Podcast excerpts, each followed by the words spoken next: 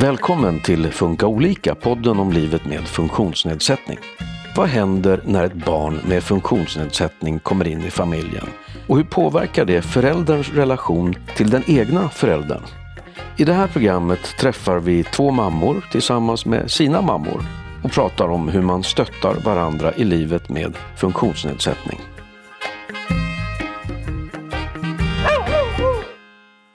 Mitt namn är Susanne Smedberg och dagens första gäster är Julietta Olsén och Gabriella Suhoski. Välkommen hit Julietta! Tack så mycket! Du är mamma till Gabriella som ju också är här. Hej Gabriella! Hej hej! Och eh, du är i sin tur mamma till åttaåriga Nils som har diagnoserna autism och ADHD och han fick dem i femårsåldern. Vill du berätta lite om honom? Vem är Nils? Nils är en eh, glad, superglad åttaåring. Han är jättehärlig. Um, och har då uh, svårigheter um, vad gäller sociala um, interaktioner mest. Och sen en del, en del rutiner och att det ska vara på ett visst sätt. Men han är väldigt kärleksfull och glad och ja, väldigt härlig kille.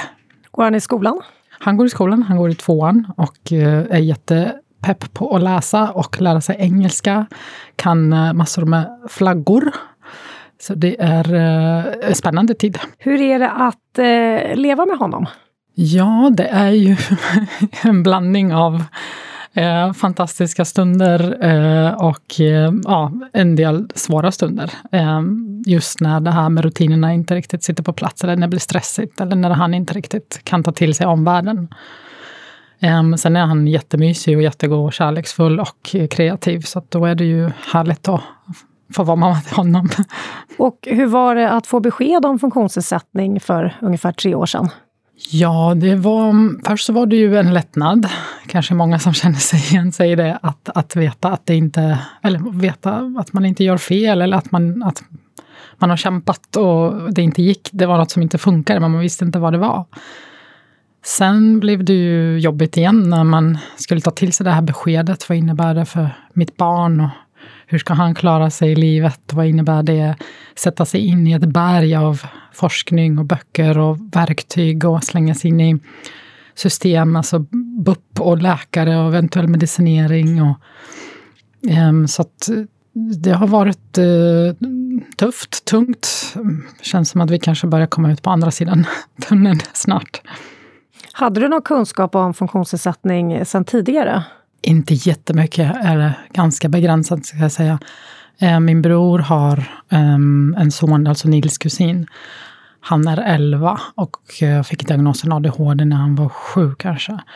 Men den är ju väldigt, väldigt olika, eller hans tillstånd är väldigt olikt vad Nils tillstånd är. För att han är ju, har inte samma sociala svårigheter eller så. Han är ju hyper. Så på ett annat sätt. Begränsad kunskap skulle jag säga. Julieta, hur var det för dig då att uh, få besked om att Nils hade funktionsnedsättning? Ja, det var... Mina tankar uh, var, gick väldigt snabbt till Gabriella. Hur, hur, hur, ska jag kunna hjälpa och stötta henne och Nils? Och um, jag försökte faktiskt ta alla mina gamla kunskaper jag hade i huvudet och, och anstränga mig för att hitta liksom, något sätt att kunna... Till exempel när Gabriella var... Hon var ledsen i början. Hon sa, hur ska jag göra mamma med det där? Men då, och så tog jag fram lite grann, men det, det, här kan man faktiskt arbeta. Man behöver lite mer rutiner och det är annorlunda. Tänk om han hade haft värre svårigheter. Vad har man gjort? Man måste ta det så som det kommer. Så jag blev stark själv för att kunna stärka Gabriella och Nils. Hur skulle du beskriva din och Nils eh, relation? Han har väldigt mycket förtroende för mig. Eller inte förtroende, han känner sig trygg hemma hos mig och det är jag jätteglad för. Det har jag fattat eh, väldigt tidigt, att ehm, det måste vara på hans villkor när han kommer till mig. Till exempel till många eh, morföräldrar som vill att barnbarnen ska, ja, de ska kramas och de ska, åh vad jag har längtat efter dig. Men det är inte så med Nils. Han kommer in och han kan gå direkt in i soffan, sätta sig där och inte prata med någon. Men då låter jag honom vara.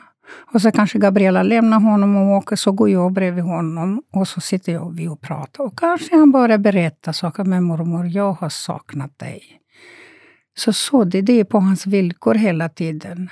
Har det varit eh, självklart att eh, ha det förhållningssättet till Nils eller har du liksom eh, övat på det på något sätt? Ja, jag har lärt mig väldigt mycket av Gabriella. Jag har tittat på väldigt många program på tv om autism. Och jag har lyssnat också på några poddar. Och Gabriella skickade hela tiden någon länk till mig. Och, och Det har varit väldigt lärorikt för mig att kunna veta hur man hanterar honom när han kommer till mig. Och ja, det, det har gett mig... Ja, jag har ju kanske kunnat lite om den där bokstavkombinationen innan jag läst på utbildning, men när man är, har sitt barnbarn med den diagnosen, det är helt annorlunda. Man kan inte liksom gå oj, oj, oj, det är så lärare. Nej, men jag måste se individen, alltså själva barnet.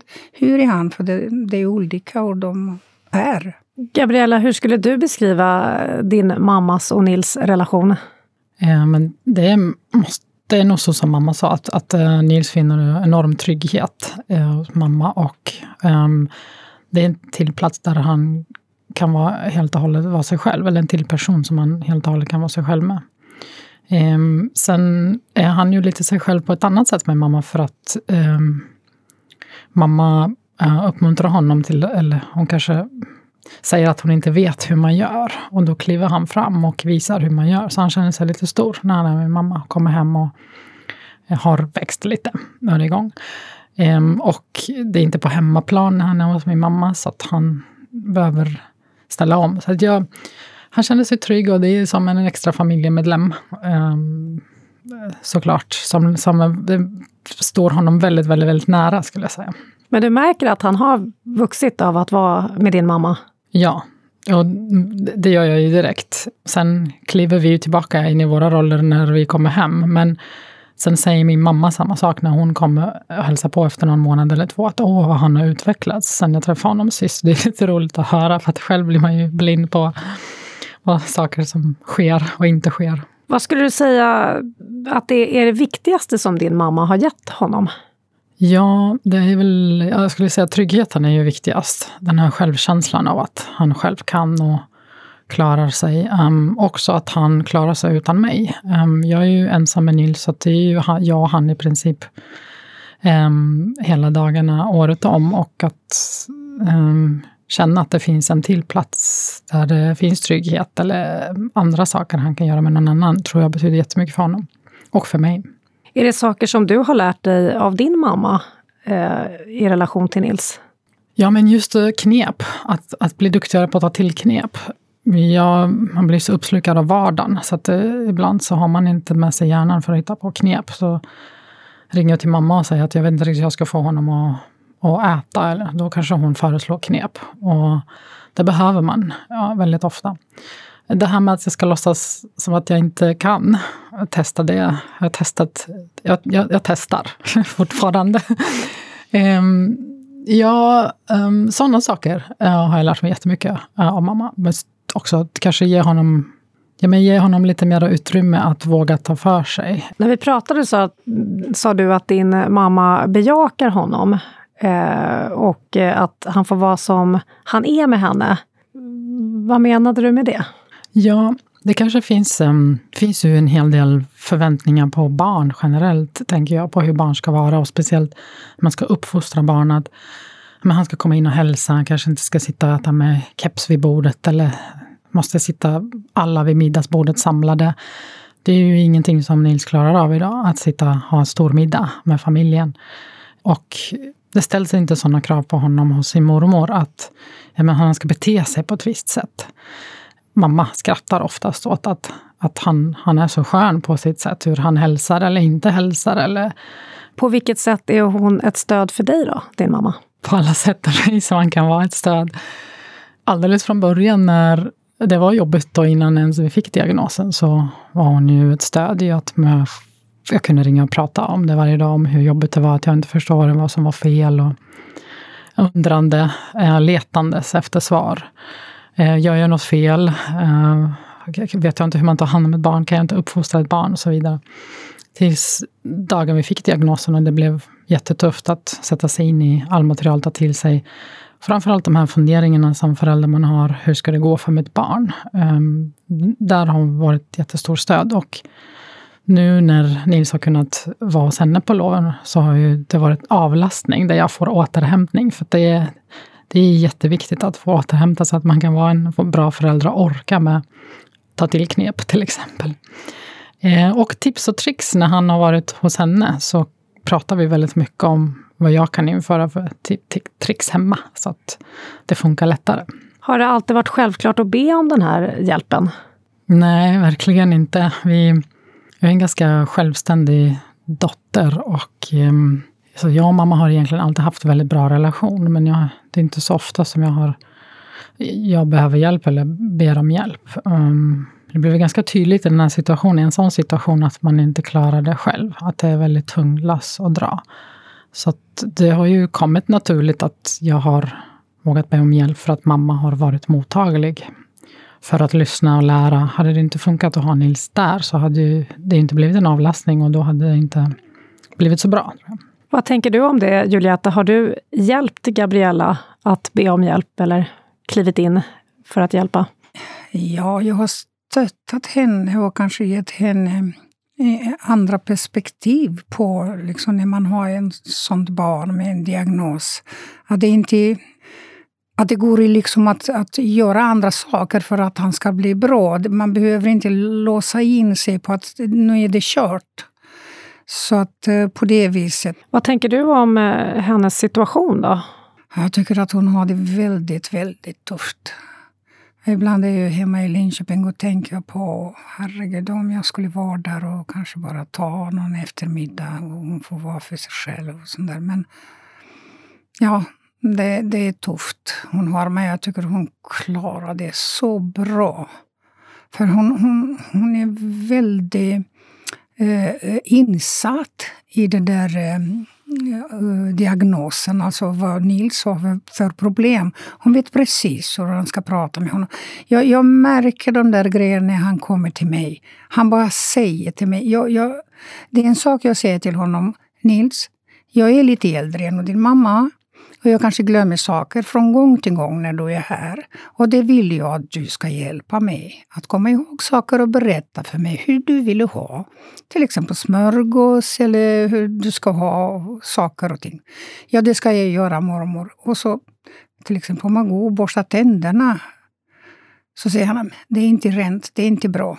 Du har inte gjort det tillräckligt mormor. Ja, men det ska jag göra om då, så det blir bra. Så att jag märker att han utvecklar sig, för han vet, för det är hans mamma som håller på att säga till honom de där sakerna. Och när Gabriella hämtar Nils så kan jag säga hur det har varit, hur han har sovit, hur han har ätit, vad han har vad är mina observationer? Vilka framsteg han har gjort sen förra gången han har varit hos mig. För Ja, det är viktigt att hon vet det, för att han utvecklas. Men precis som hon säger, hon kanske inte ser de sakerna hos Nils eftersom man är hela tiden i samma rutin. Och som föräldrar så måste man sätta gränser och det är faktiskt helt rätt. Jag kanske kan använda några knep. Jag har lite mer tid. Jag kan liksom vara lite mer kreativ på att titta, för jag har inte så mycket i tankarna som Gabriella jobbar. Jag har mycket mer tid för att hitta på sådana knep. Vad ser du som det viktigaste du kan hjälpa eh, Gabriella med? Ja, jag tror att det där ehm, eh, vad heter det, heter det mentalstöd. Alltså att man, man kan påminna henne ibland att eh, det här går att lösa. Att hon är bra som mamma. Det är bara en svår, några år som är kanske svårt nu för henne och Nils. När han blir lite, lite äldre, då blir han bättre faktiskt. Det blir lite lättare. Och det, det är den stöd, tror jag, det är det viktigaste att ge till henne. Hur har er relation förändrats eh, sen Nils kom? Det, kanske vi är lite närmare, att vi pratar väldigt mycket om väldigt djupa saker kan jag säga. Och det, det, det med Nils, liksom, vi, har ju, vi har lärt av varandra väldigt mycket. Jag tror, precis som Gabriella sa, att hon har varit väldigt självständig och inte berättat så mycket saker för mig. Men nu är det Nu berättar hon väldigt mycket och, och vi argumenterar, hon väntar på mina argument innan. och sa nej men mamma, nu, nu, nu kan jag bättre det där. Du behöver inte ge mig råd, för när jag, jag ber dig om en råd om jag vill ha det.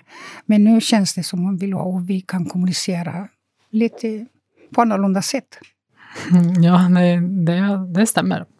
Som sagt, jag var mer självständig och ah, kanske inte lika sårbar. Och ehm, det finns det, det finns ju så mycket att eh, utbyte i, i och med att mamma har hon, hon är ju behandlingspedagog i grunden och har vissa förkunskaper. Och jag kan ju Nils och har läst in mig på diagnoser. Vi kompletterar varandra väldigt bra. Så att det, det har blivit en, en mycket ja, djupare relation kanske jag ska säga. Har det blivit enklare att eh, vara mormor till Nils eh, med tiden, ju äldre han har blivit? Ja, det tycker jag. Jag har varit, om jag ska berätta, jag har varit och skolat in Nils när han började skolan. Och eh, då hade det varit... Ja, jag kunde inte förhålla mig riktigt till... Eller han, vi visste inte riktigt så mycket. Eh, och han var vi hade inte riktigt den där starka relationen. Men när jag skolade in honom då var man där med alla mammor som hade barn i samma situation. Och då väntade man tills eh, barnen kanske var två, tre timmar där. Och då var mammorna allihopa där i skolan. Och vi kunde prata med varandra om olika situationer. Så där så lärde jag mig väldigt, väldigt mycket. Och då började jag prata med Nils kanske på annat sätt. Eh, att, det är så bra när man, när man hör någon annan att man, har, man är i samma situation och barn i samma ålder. Och, uh, man, får ju liksom, man blir ju lite mer säker. Ja, men så ska jag också tänka. Så ska jag också göra. Och det har gett mig faktiskt eh, väldigt mycket. Har du fått någon annan typ av stöd i rollen som mormor? Mest har jag fått från Gabriella, kunskap kunskap har jag fått. Och sen har jag en väninna som är terapeut. Och eh, vi pratar väldigt mycket om det där. Och hon, hon kan stötta mig. Och, och, ja, vi kan bolla saker, mina tankar och, och hur jag tänker. Liksom, eller, ja, det jag har på hjärtat. Och vad är det, det viktigaste du har fått med dig eller lärt dig av Nils? Och jag kan säga att jag har lärt mig väldigt mycket. Jag har lärt mig att inte vara dömande, speciellt mot barn. När man åker buss till exempel och något barn skriker, då tänker jag inte som jag tänkte innan. Mamma, vad gör föräldrarna nu? Jag tänker, men det där barnen kanske har något problem. Föräldrar vet bäst hur man ska hantera sina barn. Så man ska nog inte bli irriterad för det. Och sen har jag lärt mig att vara väldigt tydlig i kommunikation. Jag har lärt mig kanske planera lite mer. Och så har jag lärt mig väldigt många rumänska sagor som jag översätter direkt till svenska, för det gillar Nils.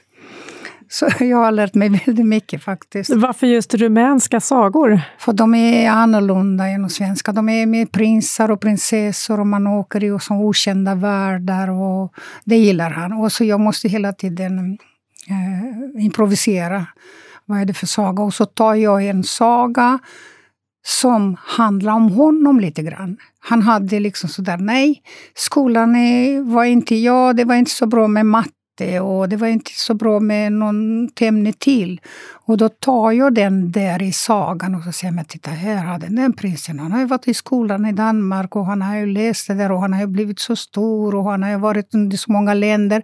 För han gillar ju länder och språk och han har lärt sig så många språk. Så att eh, han lyssnar.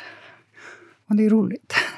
Och eh, det är dags att avsluta här nu, så jag tänkte, är det någonting som eh, ni... Är det något tips ni har till andra eh, vuxna barn och föräldrar, hur man liksom eh, kan göra för att ha en fungerande relation när ett barnbarn har funktionsnedsättning? Ja, jag tycker för mig i alla fall var det kommunikation prata med barnets föräldrar väldigt, väldigt mycket. Ta barnet för den de är. Ställ inte krav att de ska vara på ett visst sätt.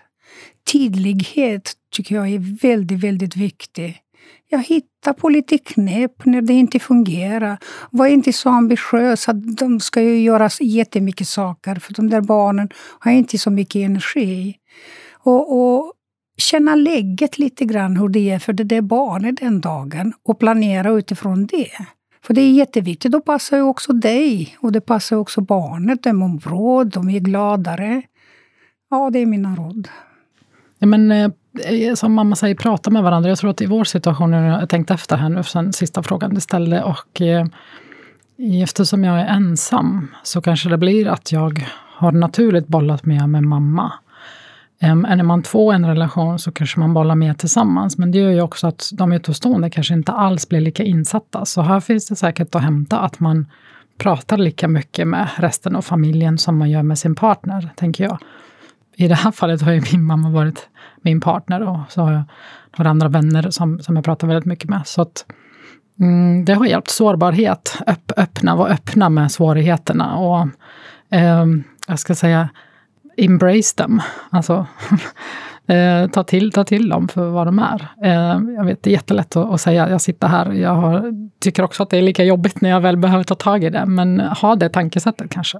Där säger jag stort tack till dig, Julieta Olsén. Tack. Och tack också, Gabriella Suhoski. Tack, tack.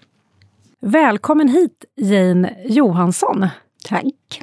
Du är mamma till Isabelle Andersson. Hej också, Isabelle. Hej. Och eh, vi ska prata om hur er relation har påverkats eh, av att din son Jonathan har funktionsnedsättning. Ja. Och han föddes för tidigt, redan i vecka 26. Och eh, första beskedet var att han var blind på grund av eh, näthinneavlossning. Och sen senare, då vid 11 års ålder, har han också fått diagnoserna autism och IF. Ja, det stämmer bra. Eh, Isabelle, vill du börja och berätta lite vem Jonathan är? Ja, Jonathan är en eh, väldigt härlig, eh, positiv eh, kille. Mm, han är 19 år idag. Eh, väldigt målmedveten och driven. Han vet vad han vill i livet och väldigt envis. Vad gör han för någonting? Eh, just nu går han på Häggviks gymnasium på mediainriktning och han vill bli radiopratare. Det är hans dröm. Och om vi backar tillbaka lite då. Eh, hur var det den första tiden för dig med honom? Eh, ja, men den första tiden var ju väldigt dramatisk. Eftersom han föddes i vecka 26 så var han ju väldigt, väldigt sjuk som liten. Så att vi bodde ju på sjukhus i tre månader. Och han svävade ju mellan liv och död väldigt, väldigt mycket. Så att vissa veckor var det ju liksom att man levde i total dödsångest, för vi visste inte om han skulle överleva eller inte. Så det var väldigt, väldigt traumatiskt och väldigt jobbig tid. Så. Eh, och sen dröjde det, efter två månader så fick vi veta att, att han var blind. Och då kom det som en ganska chockartad upplevelse och tänkte att nu, nu slutar livet. Vi kommer inte kunna göra någonting. Så var det. Det var en ganska stor sorg. Så. Mm. Hur var det för dig under den här tiden, Jane? Ja, det kändes ju väldigt tråkigt och jobbigt för oss också genom att det var första barnbarnet. Och eh, vi visste ju heller inte om han skulle överleva eller om han skulle finnas kvar i livet. Hur eh, var du ett stöd för Isabelle under den här tiden? Ja, inte när de låg på lasarettet, då var vi väl inte där så mycket. Men sedan när de kom hem med Jonathan, då tog jag ledigt och eh, var där någon vecka i taget för att avlasta Isabelle, så att de behövde ju lite hjälp. Och sen eh, så blev det ändå okej, ni åkte hem. Så hur var första åren med honom? Ja, men det var en ganska en berg och dalbana kan man väl säga. Man slets ju lite mellan liksom, åh, det är fantastiskt att ha blivit mamma och det är väldigt, väldigt tufft. Alltså, vi kände ju inte ens någon som var blind. Det var liksom så så mycket frågor och hur ska framtiden bli? Och det ska liksom vara, man ser alla lyckliga föräldrar på stan och sen går man själv med, med syrgas och mätare på sitt eget barn. Så ja, men det är en berg och dalbana. Man är liksom superlycklig och jätteledsen och så. Eh, men man behövde ju väldigt mycket stöd, för det var ju väldigt, väldigt tufft. Och då var det så skönt att mamma tog nästan all sin semester och kom ner och bodde hos oss i veckor, så att man bara fick pausa ibland. Hur var det då att bo hemma hos Isabelle och hennes familj med Jonathan? Jo, men det kände ju sig bra, fast det var ju lite oroligt att se honom. Man är ju inte van vid att ha ett barn som inte kunde andas själv riktigt alla gånger. Jag promenerar ju mycket med honom. Så att vi, och då skulle man ha den där lustgasen med sig ut. Då. Så att, visst kändes det tungt, men man var ju glad ändå för den lilla bebisen man hade i vagnen och kunde bära. Och sen då Isabelle, när de andra diagnoserna kom eh, senare då, IF och autism, vad var ni då någonstans med Jonathan så att säga? Nej, men då hade vi liksom kommit långt och insett att ja, men livet tog ju inte slut. Det fanns ju massor med saker vi kunde göra i alla fall. Men sen såg vi ju ganska tidigt, i alla fall jag, att det var fler diagnoser. Och skolan såg väl, nej men det är för att han är blind som han har svårt med det här. Men jag tänkte ju ganska tidigt att han har autism. Hade du tidigare erfarenhet av funktionsnedsättning? Eh, eller vad var det som fick dig att tänka det? Eh, jo, men jag är ju lärare och jag hade jobbat i en särskild undervisningsgrupp just med barn med autism och Asperger. Eh, så att jag såg ju mönstret redan när han var två, tre år. Så tänkte jag att ja, så här är det.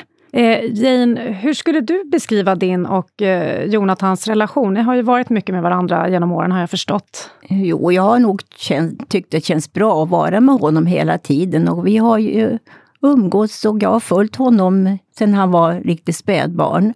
Och jag har väl lyssnat på Isabelle och Conny, hur de har handskats med honom och sett det också med egna ögon. Så jag har nog försökt att följa deras eh, recept så som de har gjort.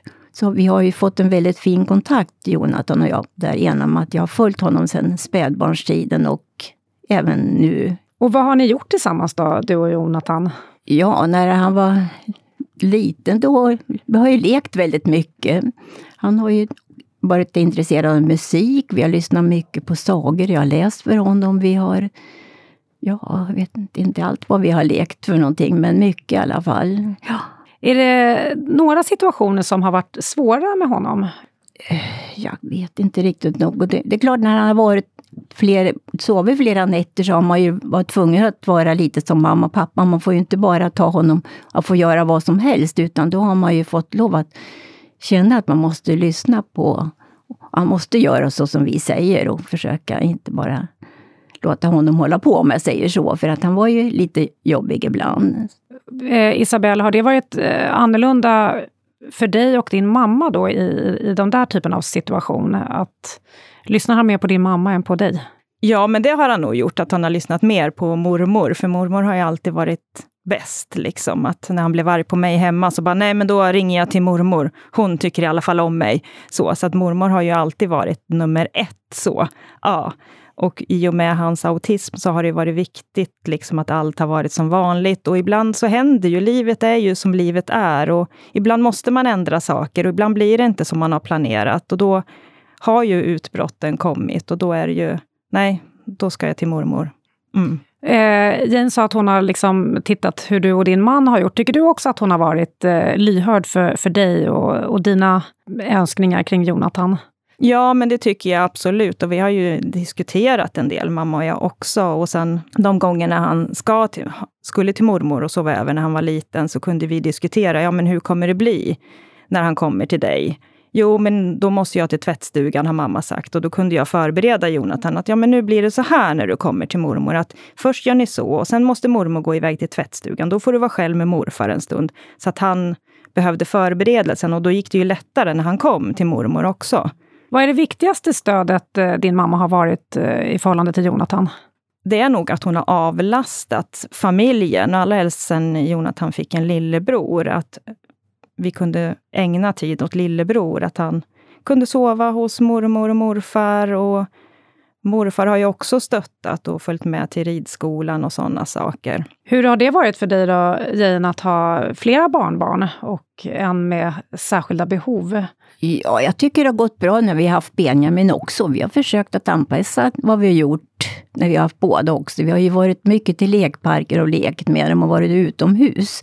Som både, båda barnen tycker om. Och eh, med Jonathan, när han har varit också själv, då har vi ju, han följt med mig ofta, som Isabelle sa, till tvättstugan. Och han har följt med när vi ska handla. Och eh, har vi bakat så har vi bakat. Och sådana saker har ju Benjamin också tänkt om och bakat och göra sådana saker. Så vi har försökt att gjort saker och ting tillsammans med båda barnen då. Kan du själv känna att du har varit ett bra stöd för Jonathan och Isabells ja, familj? det tycker jag att jag känner. Det tycker jag får igen nu. Att han eh, tycker om att vara med mig fortfarande, med oss. Att, eh, det kan jag nog känna. Eh, Isabel, på vilket sätt har eh, din och din mammas relation påverkats av Jonathan och att han har funktionsnedsättning? Ja, det är svårt att veta egentligen, för jag vet ju inte hur det skulle ha varit utan hans funktionsnedsättning. Eh, för mamma och jag umgicks ju mycket innan jag fick barn också. Vi åkte på semestrar tillsammans, vi åkte utomlands tillsammans och sådär. Eh, men det jag känner är ju att vi har säkert haft en tätare relation sen jag blev mamma på grund av att Jonathan har kommit in i familjen. Eh, hon har ju sovit över ganska mycket, trots att vi har bott i samma stad. Så har ju hon kommit och sovit över, fast hon skulle ha kunnat gå hem och sova, så har hon sovit över för att finnas där mer för barnen. Och det har ju gjort att vi har kunnat sitta i soffan och titta på TV tillsammans, som man kanske inte gör på samma sätt liksom ha en vardag ihop med sin mamma, utan annars kanske man träffas på helger och så. Hur har det varit för din eh, man? att ha din mamma där så mycket? Ja, men jag tror att han har tyckt att det har varit bra också. Han har ju rest väldigt mycket i sin tjänst, så att han har varit borta en del i veckorna. Och då har ju mamma liksom kommit in i hans ställe på något sätt i vardagen, i mångt och mycket så. Jane, hur skulle du beskriva att er relation har förändrats i och med Jonathan? Ja, jag tror nog också som Isabel säger att vi har träffats mera genom att eh, Jonathan fanns och att han behöver, de behöver mera stöd. Och eh, eh, Isabella och hennes familj flyttade ju också tillbaka till Strängnäs. Eh, vad tänkte du om det då? Det tyckte jag var bra. Då har vi ju umgås ändå mera givetvis än när de bodde i Linköping. Var det lite för att kunna få mer hjälp av din mamma som ni flyttade tillbaka?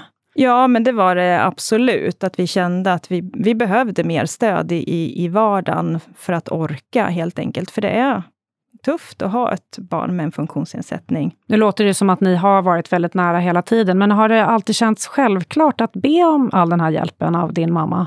Ja, men det tycker jag att det har gjort. Och sen har jag känt att mamma också har varit duktig på att säga nej, nu, nu passar det inte. Nu kan jag inte hjälpa. Så att jag har väl känt att hon har stöttat jättemycket, men också har känt att det är okej okay att säga nej. Och det har känts viktigt för mig, så att hon inte bara säger ja för att, för att hon känner att hon måste, utan för att hon vill. Är, är det någon situation, Isabelle, när du har liksom känt dig ja, irriterad på din mamma, eller det har blivit uppstått någon slags konflikt som har haft med Jonathan att göra?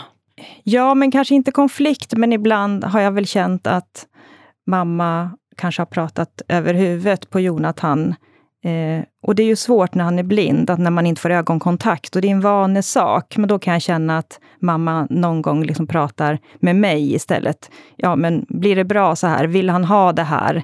När Jonathan har suttit bredvid. Och då har ju Jonathan själv liksom, men jag sitter ju här. Prata med mig. Så. Eh, har, har, du, Jane, liksom behövt lära dig någonting för att vara med Jonathan? Det här till exempel, och att kommunicera med någon som inte ser. Ja, det har jag kanske behövt, men jag har nog lyssnat på... Visst gör man fel ibland, för man har ju ingen träning på det. Men som du säger, det, det har du ju påpekat då att du får prata med Jonathan själv för mig och då förstår jag ju givetvis. Och det är lätt gjort att göra som Isabelle säger, att man pratar med henne istället för föräldern, givetvis. Men jag har nog lärt mig det, tror jag. Och nu är han ju så pass stor också, så att... Mm blir lite ombytta roller, att eh, lyssna på sitt barn ja. istället för att eh, lyssna på sin mamma. Ja. Vad skulle du säga att du har lärt dig av Jonathan? Ja, jag har nog lärt mig väldigt mycket genom att det har gått så bra för honom nu. Visserligen har det väl varit jobbigt. Vi, vi har väl, det har ju inte varit, det varit väl jobbigt för oss också ibland givetvis att ha honom. Men visst har man väl lärt sig mycket att ha ett barn och man förstår ju barn som har någon form av funktionsnedsättning oavsett på vilket sätt de ändå haft det, så har man ju lärt sig det genom att man har Jonathan, det tror jag. Mm. Och om vi börjar avsluta här nu då. Eh, vad skulle du säga är det viktigaste som din mamma har gett eh, dig och Jonathan? Ja, men det är nog det här stödet som alltid har funnits, liksom att hon alltid har ställt upp och kommit och sovit över och offrat sina semesterdagar för att liksom finnas där. Det har ju betytt oerhört mycket och jag tror inte att vi som familj hade klarat oss utan det stödet. Faktiskt. Mm, och sen är det ju också roligt nu när Jonathan är 19 och fortfarande har mormor som absolut favoritperson. Och det tycker jag är väldigt fint, att ha en sån fin kontakt med sin mormor. Och det mår han så bra av att ha. Hur känns det för dig att höra det, Jane? Jo, jag tycker det är bra. Det känner jag ju själv att Jonathan tyr sig till mig och eh, att jag betyder mycket för honom. Och eh, har ni något liksom, tips till andra barn och föräldrar hur man kan göra för att det ska fungera bra i en sån här situation? Ja, men dels så tror jag att man måste våga prata och be om hjälp som förälder och inte känna att det blir någon prestige över att man faktiskt inte reder ut en situation själv som mamma. Att man faktiskt ser att nej men jag behöver avlastning, jag behöver få sova, jag behöver, jag behöver hjälp.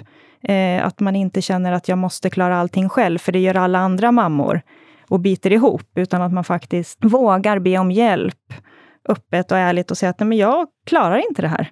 Eh, och det tror jag är jätteviktigt, att man vågar det. Har du några tankar, Jane, till andra morföräldrar eller farföräldrar till exempel?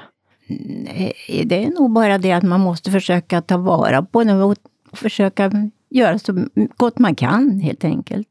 Och det sa ju du till mig, mm. mamma, också, att man ska inte vara så rädd, utan tänka att, att det är ett barn i första hand och inte se funktionsnedsättningarna, utan våga släppa in som mormor fast funktionsnedsättningarna finns där, men ändå tänka att ja, men det är mitt barnbarn och inte göra det så svårt. Och där säger jag stort tack till dig, eh, Jane Johansson, och eh, till dig, Isabelle Andersson. Tack. Du har lyssnat på Funka olika, en podd från Habilitering och hälsa som en del av Region Stockholm. I nästa avsnitt träffar vi deltagare i grupper för mor och farföräldrar från Autism och Aspergerföreningen i Stockholm och från RBU, Rörelsehindrade barn och ungdomar. Vi hörs då!